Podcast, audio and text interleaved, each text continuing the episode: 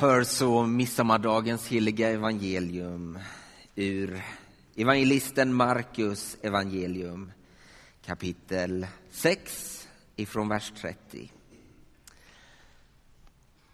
Apostlarna samlades hos Jesus och berättade för honom om allt de hade gjort och vad de hade undervisat om. Han sa till dem Följ med mig bort till en öde trakt så att vi får vara ensamma och ni kan vila er lite. Det var så många som kom och gick att de inte ens fick tid att äta. De gav sig av i båten till en öde trakt för att vara ensamma. Men man såg att de for och många fick veta det och från alla städerna skyndade folk dit till fots och han före dem. När han steg i land fick han se en stor skara människor. Han fylldes av medlidande med dem, för de var som får utan hede och han undervisade dem länge. När det redan var sent på dagen kom lärjungarna till honom och sa Trakten är öde och det är sent. Låt dem ge sig av så att de kan gå bort till gårdarna och byarna här omkring och köpa sig något att äta. Han svarade Ge dem något att äta ni själva. Ska vi gå och köpa bröd åt dem för 200 dinarer och ge dem att äta? frågade de. Han sa Hur många bröd har ni? Gå och se efter. De tog reda på det och sa fem bröd och så två fiskar. Då lät han dem säga åt folket att slå sig ner i matlag där det fanns grönt gräs. Och de la sig ner i grupper om hundra eller femtio. Han tog de fem bröden och de två fiskarna, såg upp mot himlen och läste tackbönen. Sedan bröt han bröden och gav dem åt lärjungarna för att de skulle dela ut dem mot folket. Också de två fiskarna fördelade han så att alla fick. Alla åt och blev mätta. Och man plockade tolv korgar fulla med brödbitar och fisk. Det var fem tusen män som hade ätit. Så lyder det heliga evangeliet. Jag hoppas att ni alla har haft en alldeles fantastisk eftermiddag och kväll igår. Jag hoppas att ni alla firade midsommarafton ordentligt. Att ni åt lite färskpotatis och sill. Kanske tog en bit jordgubbstårta efter. Och så hoppas jag att en och annan av oss lät en liten snaps slinka ner för att hjälpa matsmältningen. Och kanske var det någon av er som dansade ett varv runt en vacker midsommarstång som ju för övrigt är både en fruktbarhetssymbol och ett kors.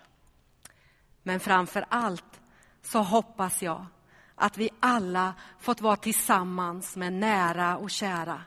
Fått skratta lite tillsammans och njutit en stund av hur fantastiskt livet och sommaren kan vara.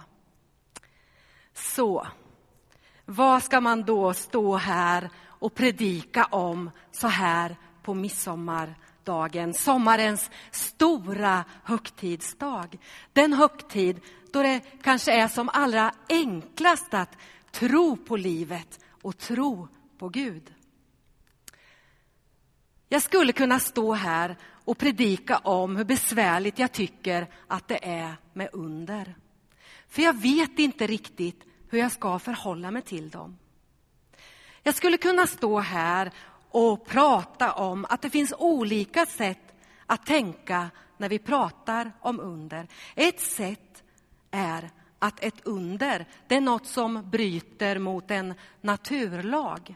Även om det nu är Gud som står bakom. För nu har ju Gud bestämt en ordning för hur saker och ting ska fungera och då får väl Gud hålla sig till den ordningen. Och tänk om vi skulle ta och rada upp en massa under, nutida och dåtida. Skulle det då inte i någon mening bli svårare att tro på Jesus? Eller skulle vi kanske upptäcka faran i att tron blir en tro på upplevelser och kraft och inte en tro på Gud? Så om vi nu skulle ta och slå alla våra kloka huvuden ihop så skulle vi säkert hitta en massa olika svar på hur fem bröd och två fiskar blir mat för flera hundra, för flera tusen. Och jag vet inte riktigt hur det är för er, men jag har det lite besvärligt att förhålla mig till det där med undren. Jag har två svar på frågan. Det ena är under är omöjliga. Det andra svaret är för Gud är ingenting omöjligt.